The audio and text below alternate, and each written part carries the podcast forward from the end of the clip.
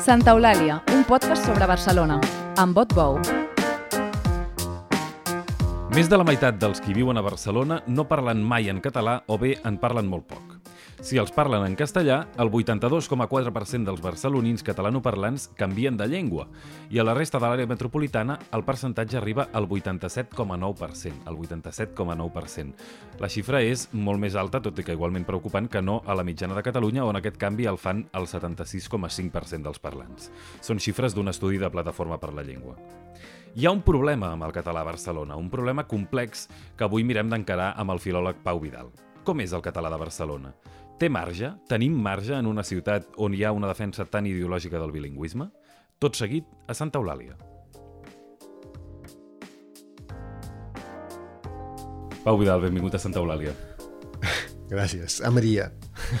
Uh, avui volíem parlar del català perquè, és clar això de, de fer un podcast sobre una ciutat i no haver parlat de la llengua de la ciutat uh, durant 19 episodis era una mica estrany.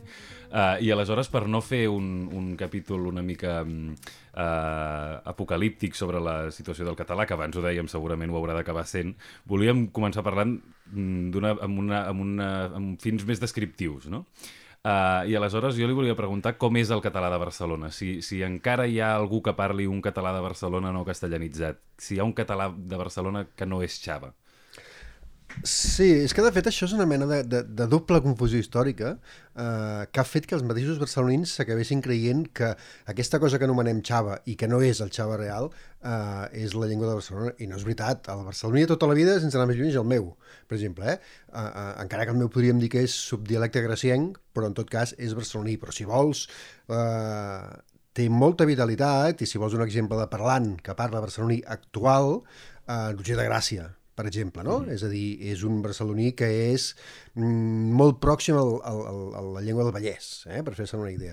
Llavors, hi ha aquesta cosa del Xava, eh, que és una caricatura, però en realitat quan la gent diu Xava vol dir una altra cosa. El Xava, de debò, eh, encara en queden residus molt poquets a la Barceloneta, sobretot perquè és un barceloní influït una mica pel castellà, però sobretot pel valencià.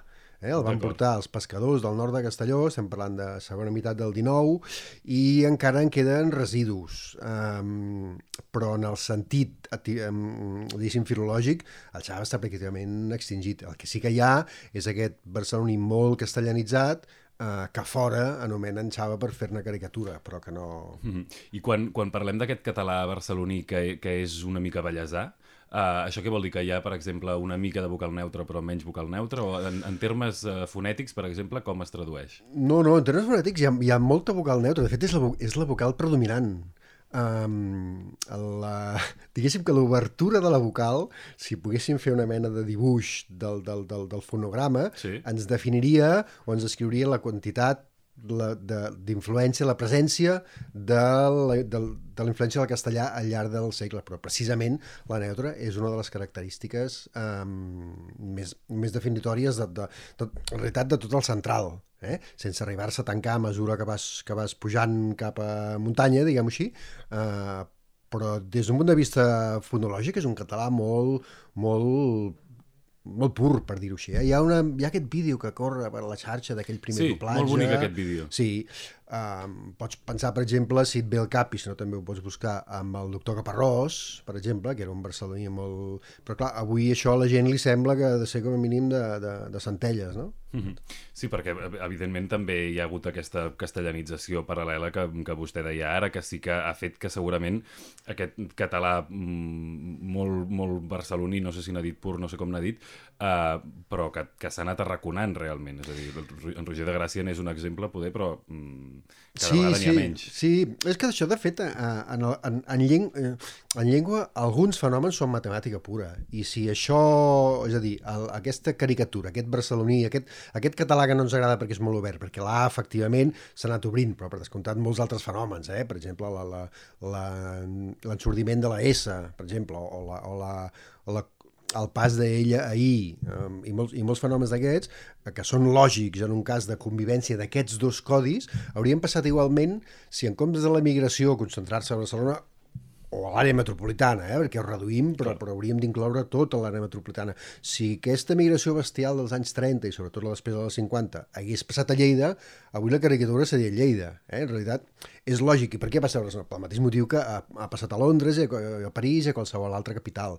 Per tant, en aquest sentit, filològicament parlant, és molt poc interessant la crítica a la, a la, a la pèrdua de genuïtat del parlar de la capital, perquè és lògic, eh, passa tot arreu, i de fet la prova és que cada país té la seva animadversió contra el focus eh, que irradia o que, o, o que mana el cas de les modes, perquè és una qüestió de prestigi i funciona tot arreu. O sigui, en, en el fons és un bon senyal, perquè vol dir que el pes simbòlic de Barcelona continua sent Exact, exactament, això li anava a dir, de fet, que, que per, no ha passat a Lleida, però és que a més a més a Barcelona, Barcelona té aquest pes polític i aquest pes d'influència cultural sobre la resta del país um, extraordinari, uh, que de vegades es, es tradueix, a, com que té a veure amb el prestigi, amb uns, uh, amb uns discursos o uns prejudicis uh, o uns uh, llocs comuns uh, que, que, que freguen la discriminació tant en un sentit com en un altre, no? Uh, de, de, sí. com de, de fer riota dels accents d'un lloc i de l'altre. És que, de fet, la, la, en realitat, si parlem estrictament de llengua, Barcelona té un significat, avui dia, més simbòlic que no és real, perquè en realitat l'evolució lingüística actualment és molt menys geogràfica que no pas sociogeneracional, diguem-ho així. Eh? Un, un, un Què exemple... vol dir això per, per, per, perquè ho entenguin els que no són del RAM, diguéssim. Això vol dir que abans era lògic que els fenòmens eh, lingüístics, l'evolució lingüística, sigués lligada a la, a la geografia, eh, perquè ens, ens movíem molt poc. Precisament per això, ara posaré un exemple una mica bèstia, eh, però precisament per això el llatí es va poder disgregar amb tots aquells idiomes, perquè la gent s'estava quieta, sobretot, perquè costava molt bellugar-se. Eh, en canvi, avui dia passa el contrari, no parem quiets, ens estem bellugant constantment i, per tant, la geografia ja no, ja no mana, per dir-ho així, la força telúrica que podia tenir la vall, no? imagina't el basc, no? el cas dels idiomes, ja no la té. I, en canvi, el que ens alimenta i el que fa que, les, que els fenòmens s'escampin eh, és la comunicació. Com que avui la comunicació és horitzontal, el canvi és molt més té molt més a veure amb l'estrat social, amb el, amb, el, amb el mirall que tu et poses com a model, um, i amb, i amb el prestigi, naturalment. I t'anava posant un exemple que és, que és claríssim. La, aquesta xicona que canta, la Bat Gil, mm -hmm. uh, que és de Vilassar, sí. si tu la sents parlar català, qualsevol diria que, o sigui, és un barceloní que es queda curt, en el sentit que és, és la caricatura aquesta que dèiem, és, és un català molt estripat, des d'un punt de vista canònic és lleig. Perquè hi ha una voluntat uh, teatral, a més a més, en el clar, seu cas. Clar, però no, no cal anar tan enllà, eh? Ara mateix tenim... Una mica com la Sandra Camaca, no? Bueno, sí, sí, sí, sí, perquè, però la diferència és que és voluntari. Aquest dia sentia una, una advocada molt famosa, jove però no tant, que no és de Barcelona, que és d'una comarca i que està a una certa distància de Barcelona, que ha incorporat en el seu dialecte tots els trets que ella considera que eh, han de performar la imatge que vol donar. Per tant, fa el que, que, que, eh, digue-li que vinguis, aquest tancament que a nosaltres ens sembla horrorós, perquè és, però... és, fa el pero, obre les vocals, fa, fa aquella S una mica, una mica afectada, és a dir, hi ha molt d'artifici per construir un dialecte que doni una certa imatge. Com que aquest, en, uns, en un determinat sector, diguéssim, social, cultural i generacional és el que té prestigi, això s'imita, i no té res a veure amb Barcelona.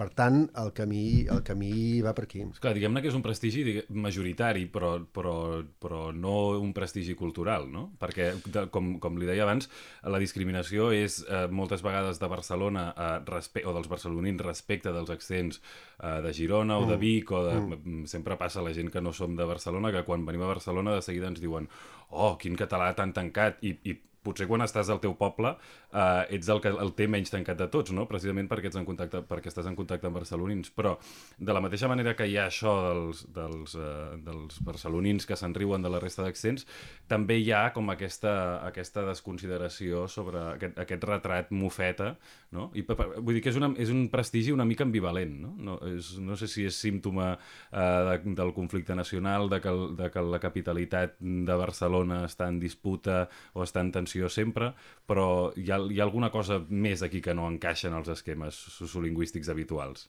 o m'equivoco? No, no, no t'equivoques, però, però de fet és un fenomen que diguéssim que és universal però menys accentuat. Aquí, aquí ho és una mica més, eh, probablement perquè per la qüestió de sempre, i posem més bilis amb totes les coses que tenen a veure amb la identitat. Tractant-se d'una identitat frustrada, doncs hi ha, hi ha més mala llet, per dir-ho així, no? Uh -huh. uh, però vaja, aquest fenomen de l'enfrontament o de la, de, la, de la doble burla, de la burla d'anar i tornada, uh, és bastant... passa bastant a tot arreu. A mi, de tota manera, uh, insisteixo que filològicament té poca importància perquè només ens parla de prejudicis eh, i sobretot d'automirada, no? I, I per això et dic, a mi em recorda una mica el, aquell, eh, aquell debat, per dir-ho així, aquelles, aquelles burles que hi ha quan arriba la temporada de bolets o de neu, no? La gent de poble de, de, de, de comarques en rient-se'n dels barcelonins eh, que embussen les carreteres perquè els caps de setmana tornen a, van a muntanya, van a però si tu miressis dintre d'aquells cotxes que embussen les carreteres, la immensa majoria són, són fills o segones generacions de gent del poble. O sigui, en realitat... És que no és tan gran el país, de fet. Clar, i llavors en realitat ens en estem enrient de nosaltres mateixos perquè no ens agradem. No? I, i, i clar, nosaltres, per un filòleg, ja tornant a la llengua, tot això és molt incomprensible, perquè és com quan et diuen quin és el teu, la teva variant preferida, i això és impossible de, de, de respondre. Quina és la teva variant preferida? Um, mentre sigui expressiva, uh, mentre tingui genuïnitat, no pots triar. Mm -hmm. En tot cas, uh, aquesta voluntat mm, per part de, de, de molts mm, catalanoparlants o de, o de molts castellanoparlants de crear aquest idiolecte barceloní que deia, uh, avui és possible, sense prou rastres de castellanització com perquè es converteixi en una, en una dialectalització del, del català? Com, es, per, com perquè es converteixi el, el català barceloní en un mascaró de proa d'una dialectalització? No, no, no. no. No, no, és, jo crec que és rotundament impossible. És veritat que és un debat, diguéssim, uh, però ara mateix la, la, el grau de penetració és tan, és tan violent que no, tenim, no, tenim, no tenim autonomia, o sigui, no hi ha models prou vàlids eh, perquè, diguéssim, aquesta, aquesta hipòtesi funcionés. Posem, posem per cas, eh, si haguéssim tingut, si tinguéssim, potser encara hi seríem a temps, jo crec que no, però si tinguéssim un model de, cre un, un, una, una creació de, com es diu, eh, no, de, de status system d'autòcton, imaginem que tinguéssim el foraster, com es diu, en Quim Mas Ferrer, eh, multiplicat per 50. Eh? Eh, això, en aquell sector concret, podria obrir una via que ajudés a crear una miqueta això que tu estàs dient. Però, clar, necessitaríem el sector artístic, el sector esportiu, eh, tot, tots els àmbits, no? I anem tan coixos i a més a més anem en, en, en baixada en tots aquests, eh, que això avui dia és impossible un exemple clar el tens amb, el tens amb la, amb l'argot de, la, de la delinqüència, per exemple. No? Uh, aquí sí que és, un, és una cosa que és molt visible perquè no pots fer doblatge o traducció d'ambients on es relatin els baixos fons autònomament en català. Clar, és a dir, és, el, que, el que vol dir que és impossible és la no dialectalització, és a dir, conservar un català barceloní no prou castellanitzat.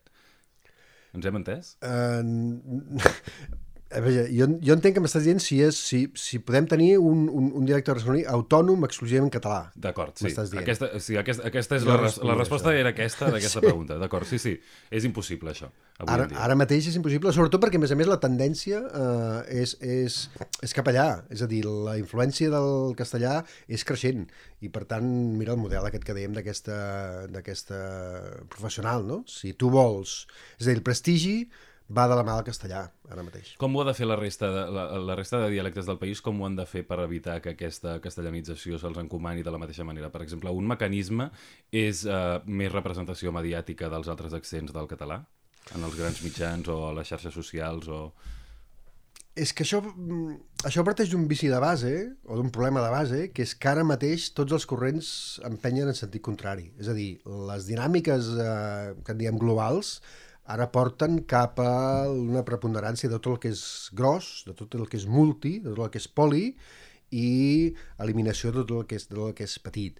Llavors, si la representació artística o, o fins i tot eh, simbòlica, si vols, de les variants dialectals ja ha estat difícil, perquè sempre ha estat difícil, perquè sempre ha topat amb, aquella, amb aquells complexos que dèiem, i el cas de l'Ocartanyà famós és, és molt representatiu, no? Mhm. -huh. Si ja ha estat difícil, a més a més ara, en què tendeix, eh, tot tendeix a llimar-se, és l'efecte Starbucks, no? És a dir, eh, només cal mirar la cuina, Ara la Maria Nicolau ens proposa la sopa de galets ens sembla l'hòstia, però això durarà mentre duri l'empenta que ella tingui, però, però és, és, és anecdòtic. eh, tot el que està passant, per posar un exemple entenedor, amb el, la restauració a Barcelona, però a la resta del país, és el que passa i passarà amb la llengua. És a dir, cada cop tens menys material, per tant, encara que volguéssim eh, reviscolar o, o equiparar tota la resta de dialectes al central o al barceloní, eh, ens trobaríem sense material. Que consti que aquest és un fenomen universal, eh? no passa només aquí, eh? és a dir, això està passant, a, per dir un exemple, a Itàlia, eh? Mm. que, és un, que, és un, que és un paradís lingüístic, eh, i passa tot arreu.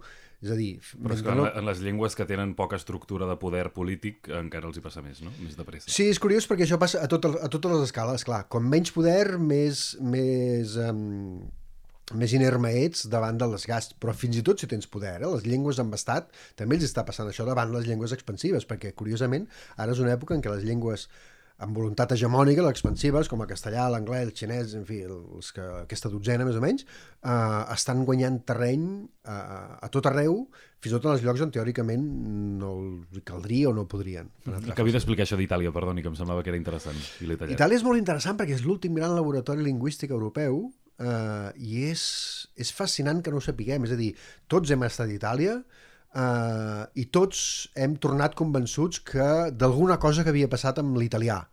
I ningú ha vist, ha sentit, ha topat contra cap de les de la quinzena o la vintena de llengües vives, algunes molt vives, que es parlen a Itàlia. La gent eh, se'n van a, ens anem a Roma o a Nàpols o a Sicília mm i tornem convençuts que hem estat submergits en una banyera d'italià. I poder voltant nostre, el 90% de la gent no parlaven... No, o sigui, no, sí, sí, hem sentit italià sí, perquè sí, el taxista sí, però... i el de l'hotel, però clar, tenim aquella relació de turistes. Però Roma viu en, viu en llengua romana, eh, Nàpols amb napolità, ni en parlem. O sigui, Nàpols, eh, l'italià és quasi bé com el castellà per nosaltres, eh?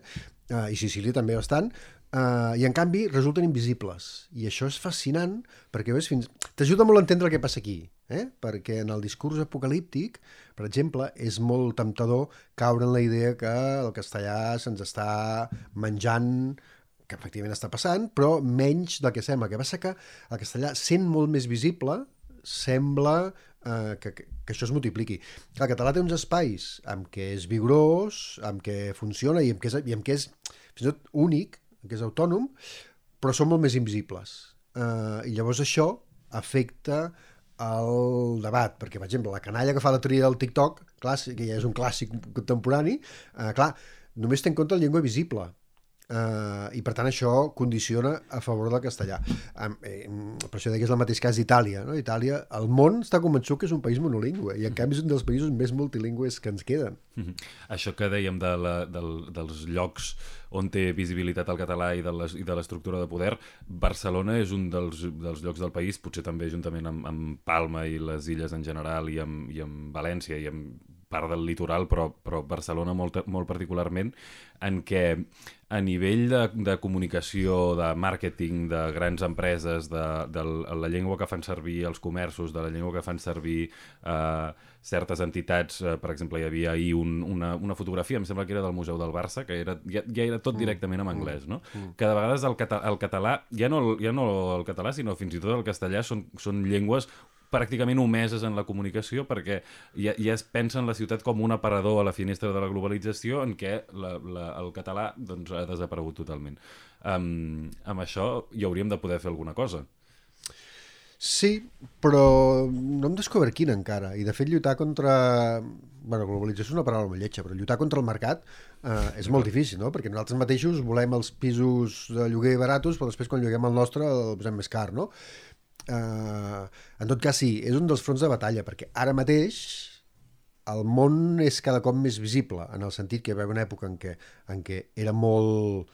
Um, les, el prestigi anava acompanyat de l'escriptura, per tant d'una certa iniciació, ara estem tornant cap a una diguem, entre moltes cometes, cap a una neomedievalització de les relacions eh, i per tant tot és més oral i més i més immediat, més d'ull, i per tant aquestes coses eh, tenen molta més importància.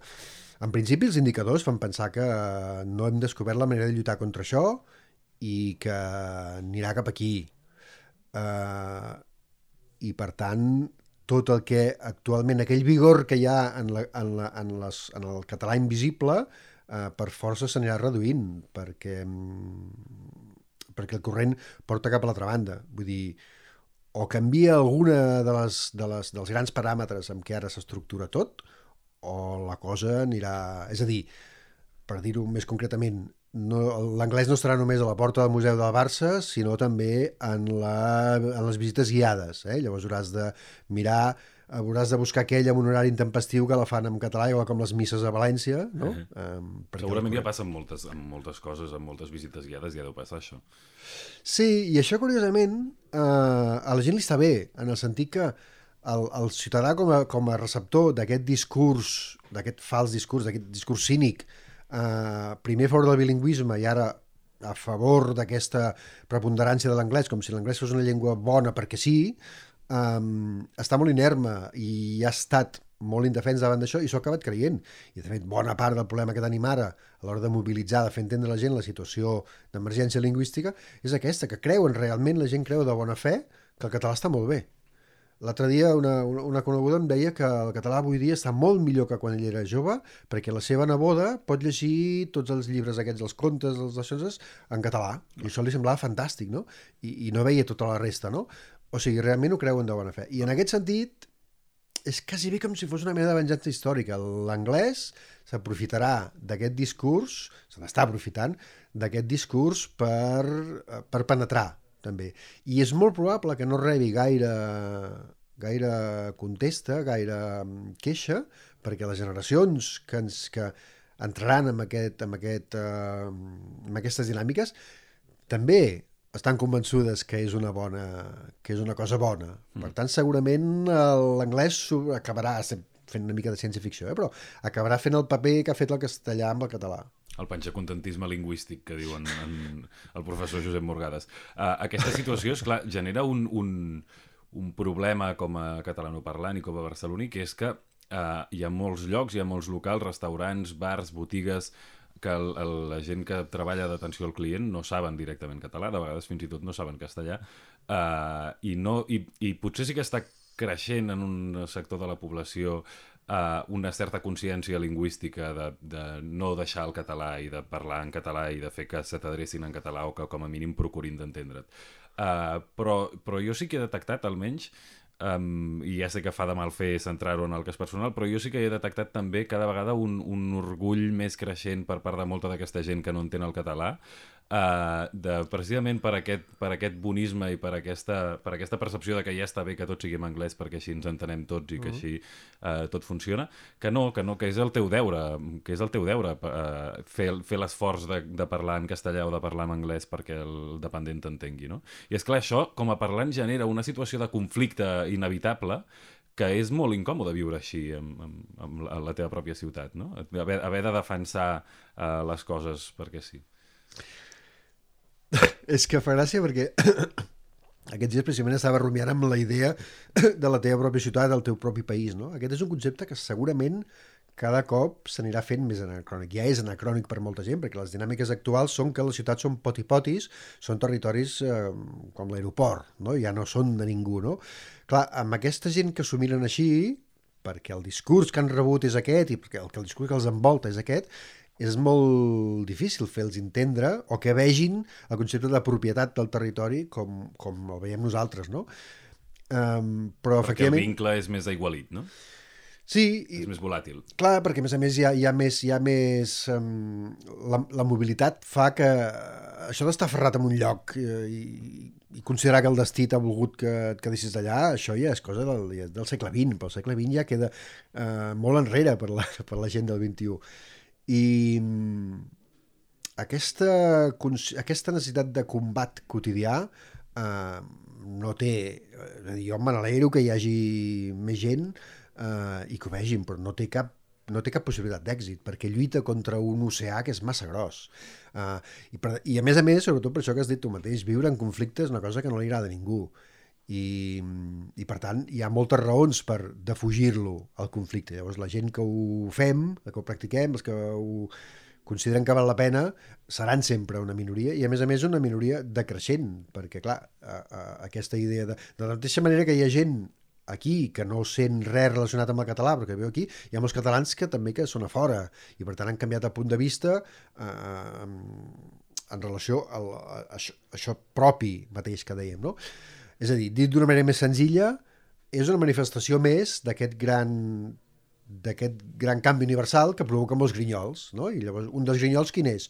El català que entra en un restaurant i ni troba la carta, ni l'entenen, ni res. És una fase eh, que de grinyols n'hi haurà molts, eh, però que i es veu, i es veu cap on anirà. És a dir, s'ha de, ser, de ser molt ingenu per pensar que això es pot repartir a les, a les actuals circumstàncies. Mira, ja que parlem d'això, parlem del Mantinc el català. És una campanya que està molt bé eh, eh, i que feia molta falta perquè feia molts anys que d'allò. Si aprofitant aquest, aquest potencial de la gent volguéssim revertir la situació en què ens trobem perquè no ens agrada, si avui mateix i demà mateix com a molt, tots, absolutament tots, el 100% dels catalanoparlants, eh, ens poséssim d'acord a fer un mantinc, és més, si ens poséssim d'acord anar un pas més enllà, que és el que jo recomano a la gent que ja, ja, ja ha assimilat el mantinc català, que és un no t'entenc, i, i ni tan sols així eh, aconseguiríem aturar aquesta bola enorme que està rodant així. Però és que, clar, és que això és ciència ficció, perquè, perquè en, una, en una comunitat amb un 75% de, de facció lingüística, això és ciència ficció. Clar. Però bé, ah. perquè també és això que deia vostè, que a ningú li agrada viure en conflicte, però probablement a ningú li agrada viure en conflicte si el conflicte amb la llengua, que és una eina de, de, que fa servir permanentment, és l'única part que hi ha de conflicte en, en les coses, no? Perquè, com dèiem abans, la llengua eh, representa, o els problemes, els conflictes lingüístics representen abans conflictes polítics, o són la manifestació d'un conflicte polític en el nostre cas, eh, i per tant, si el, si el conflicte, la manifestació del conflicte es manifesta tan sols en la llengua i en canvi en la part política hi ha aquesta mena de paivagament i d'aquesta apatia, eh, aleshores és, és molt més complicat perquè es, es, el conflicte es radicalitza just allà on no s'ha de radicalitzar, no?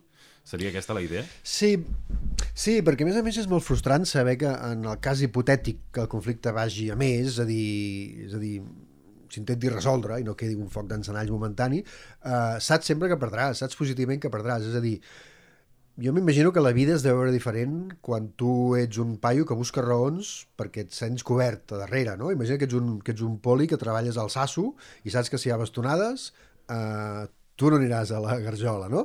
Això per força t'ha de fer la vida diferent, però clar, quan tu ets algú que ets, vius al sasso però no, no ets poli i saps que en cas de bastonades ets tu que aniràs a la garjola, això et condiciona molt. En el nostre cas, donem a la garjola però anem a la derrota. Eh? Llavors, aquesta, aquesta derrota quotidiana um, és, molt, és molt humiliant. Uh, I, per tant, efectivament, fa que, de fet, desactiva per al conflicte, perquè sí, tu pots buscar brega amb qui vulguis, eh? per motiu de llengua n'hi ha, hi ha, uh, hi ha oportunitats contínuament, a Barcelona hi ha fort, a Barcelona, eh? Uh, però clar, saps que si realment la brega va gaire enllà, mm. perdràs, no? Bé, en tot cas, cal mantenir el català, encara que fins i tot si tots el mantinguéssim seria molt complicat, que estic d'acord amb vostè, que això funcionés perquè, perquè hi ha més problemes de fons, cal mantenir-lo, sempre no només cal mantenir-lo, sinó, sinó que jo crec que cal afanyar-se, perquè quan, quan ja ho interioritzes, per descomptat, de primera cosa deixes de patir, o sigui, es converteix en una, en una mecànica molt senzilla i t'empodera, que és una cosa que la gent que no ho practica els costa molt d'entendre, però t'empodera perquè et va igualant amb el teu interlocutor o amb els teus interlocutors, perquè sempre pensem en la interacció individual, però les interaccions de grup són molt més rellevants per a la llengua. Si tu penses en l'equip de vòlei, per exemple, eh, que sou, no sé, 10 o 12 o 15 persones, eh, les interaccions lingüístiques són moltes més i per tant tu veus que, el, que és molt important que el teu el teu pes com a parlant en aquell grup sigui més rellevant del que és habitualment, no? Uh, doncs deia que no només és important el mantinc, sinó el no t'entenc. Jo, si el, si el poble català, uh, si el català parlant es vol empoderar, és important que arribi al segon pas, que és el no t'entenc, perquè quedar-te amb el mantinc el català és sortir a empatar i l'equip que surt a empatar, 9 de cada vegades perd, això, això ho sabem tots. Per tant, s'ha de, si volem, si tu vols, ni que sigui combatre aquesta, aquesta humiliació que dèiem, has de sortir amb mentalitat de guanyador, sortir, sortir a guanyar, i per tant, t'has de posar en la pell del qui pot decidir lingüísticament. Encara que sigui una fal·làcia, però bueno, de fet aquest país és tot una fal·làcia, per tant, eh, ja ho acceptem com a, Uh, això, tot això es produeix en un, en un context de, de gran propaganda ideològica a favor de la, del, del bilingüisme, uh, no, no en un sentit mm, simplement de constatar-lo, sinó de defensar-lo de defensar-lo ideològicament, i um, fa la sensació que aquest, aquest Ajuntament uh, de De Colau particularment ho ha fet molt, la, la Batllessa mateix, en una sèrie de vídeos i de conferències que li van ser molt criticades, va dir que mm, parlaria en castellà, aquella frase que es, que, que es va fer tan sonada en aquells sí, dies sí, que, sí, sí, que parlaria en castellà per arribar al, al màxim de gent i que, i entonces eh, anem fent, no? que va barrejar el castellà i de cop i volta va dir anem fent. Uh, I també hi ha, hi ha diversos representants de, del seu govern que han fet una defensa com molt aferrissada, no? Uh, això mm, és una cosa que comença amb, amb aquest govern. Expliqui'ns, diguem-ne, als joves uh, fins a quin punt Maragall ja feia aquesta defensa uh, del bilingüisme. Maragall sí, per posar que... el, el primer alcalde, eh? o Narcís Serra, diguéssim. Sí, sí, sí, sí. Això, clar, això va començar amb la transició, diguéssim, formava part dels pactes de la, de la, de la rendició, diguem així, no? Fem veure que, fem veure que, en fi, la democràcia, i per tant, a mi em fascina veure amb quina facilitat eh, la gent, el ciutadà, se'n passa una fal·làcia tan grossa, perquè és una de les fal·làcies més, més fàcilment desemmascarables. És a dir, els grans, si els grans apologetes del bilingüisme són monolingües, com pot ser que això... És, és, és molt senzill, és que no cal ni voler-ho veure, ja desemmascara sol, però en canvi ens ho volem creure perquè en el fons, en el fons és per evitar el conflicte. I llavors, eh, eh, la generació Colau, són una generació que ja va créixer, que ja va començar amb el discurs del bilingüisme ja naturalitzat. Eh? Aquesta, cosa que, aquesta cosa tan, tan irritant eh, que fa una bona part dels catalanoparlants de mostrar-se orgullosos, no, perquè tenim dues llengües i com si les dues fossin iguals i com si casa té... Eh, diguéssim, faltant a l'objectivitat històrica amb tanta alegria, eh, és sorprenent perquè està tan interioritzada que de fet en fan bandera, i ara mm, parlo de l'Ajuntament, eh? Uh, I simplement perpetuen un discurs que és el discurs de la rendició. És a dir, per evitar el conflicte farem el que sigui. Um, I en principi res fa pensar que hagi de deixar de ser així. I a més a més a la gent li agrada sentir-ho, perquè clar, tot el que és... Uh, bueno, tothom es vol mirar mirar i trobar-se guapo, no? Llavors, oh, que bé, tenim dues llengües i som més rics que els altres. I jo quan faig experiments a la xarxa, per exemple, de, de, de vegades, quan faig treball de camp, burxo la gent perquè expliquin els mecanismes eh, que els mouen eh, a la interacció de cada dia, no? Uh, I llavors les, les excuses que donen moltes vegades tenen a veure amb això. Nosaltres parlem dues llengües i ells no, pobres. És com si fóssim superiors, no? I clar, el discurs de fora de bilingüisme és molt intel·ligent perquè ha venut aquesta imatge del mirall que, que és millor i és molt difícil de desactivar. -hmm. Bé, perquè de fet és, realment són dues llengües que conviuen, tot i que el, el conflicte eh, de fons sigui tan, sigui tan fort, uh, i, i que evidentment siguin dues llengües de, que no tenen la mateixa, el mateix prestigi ni la mateixa, ni la mateixa proporció ni la mateixa defensa uh, cultural, econòmica, institucional, etc etc. Uh, evidentment tenen, tenen raó amb una, amb una part de fons que és, com vostè diu, molt difícil de combatre, que és que, són, que, que, que implica un conflicte de vegades amb un mateix, perquè de vegades sí que una part de la família et parla castellà i l'altra part de la família et parla català o una part de les relacions i això si no hi ha una, una estructura política forta que faci, que, que, que faci que el català sigui la llengua d'ús principal i la llengua de cohesió, realment és un, és un camí obert al conflicte. És que, clar, trencar aquestes coses eh, és, molt, és molt delicat. Eh, s'ha de ser molt valent.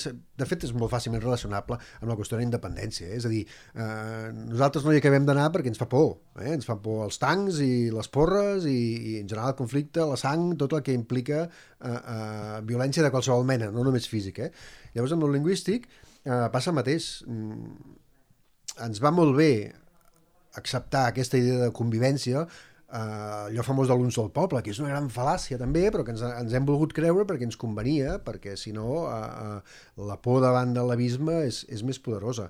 Uh, és veritat que hi ha espais de convivència, però també és molt veritat que hi ha llocs on no hi ha dues llengües. Hi ha moltes famílies, hi ha molts espais, sobretot de la, de la, de, de la memòria, de la trajectòria uh, generacional, uh, amb què hi ha una sola llengua tant amb una banda com amb l'altra. Um, I per tant, haver d'acceptar eh, que allò que tu perceps, que allò que tu has viscut, ara imaginem eh, algú de família de família catalana amb més o menys aportació de fora, però ben integrada, no sé com dir un, hi ha moltes famílies de... Sí, com tantes famílies. Com tantes país. famílies, no? Que gent al cavall fort a casa, per dir una, per dir una cosa, no? Clar, haver d'acceptar que la seva trajectòria en realitat no és com ell ha vist que era, o que és anòmala, o que no és considerada exemplar perquè és massa catalana, per dir-ho així, Uh, això, és, això és molt emprenyador, però en canvi és real. Um, I suposo que això explica en part la dificultat de fer entendre també la fal·làcia de l'un sol poble. No som un sol poble, es continua veient i, i, amb lo, i a través de la lingüística es veu molt clarament que no som un sol poble, que aquí hi ha dos pobles, um, però que també són conceptes anacrònics. És a dir, anacrònics, del segle XX. Al segle XXI els pobles ja comencen a ser diferents, eh? i ara, ara efectivament sí que hi haurà molta més dificultat de trajectòries uh, uh, homogènies d'aquestes, no? Jo crec que no ens atrevirem mai a, a, a, a fer-ho això, perquè no som prou valents. És a dir, a descriure la història del segle XX com la història d'un enfrontament entre dues comunitats eh, contra, enfrontament entre cometes, eh? Eh, contra, el, contra el discurs hegemònic que ha servit teòricament per pacificar una cosa, però no és per pacificar, és simplement per imposar un model, que és el model castellà. Bé, ho hem de deixar aquí, en tot cas, sense, sense cofoisme, però sense desesperança, tampoc. Amb una mica d'esperança de, que, que les coses uh, finalment sí que es puguin... Sí que bueno, com a mínim amb ganes de brega. Amb ganes segur. de brega, d'acord, perfecte. Compro el, compro el concepte. uh, Pau Vidal, moltes gràcies per haver vingut a Santa Eulàlia. A vosaltres. Recordeu que podeu enviar-nos els vostres comentaris i suggeriments a santaeulàlia.vilaweb.cat santaeulàlia.vilaweb.cat Moltes gràcies. Santa Eulàlia és un podcast de VilaWeb presentat per Otbou amb Carles Garcia al servei tècnic i a les veus Maria Castanyer.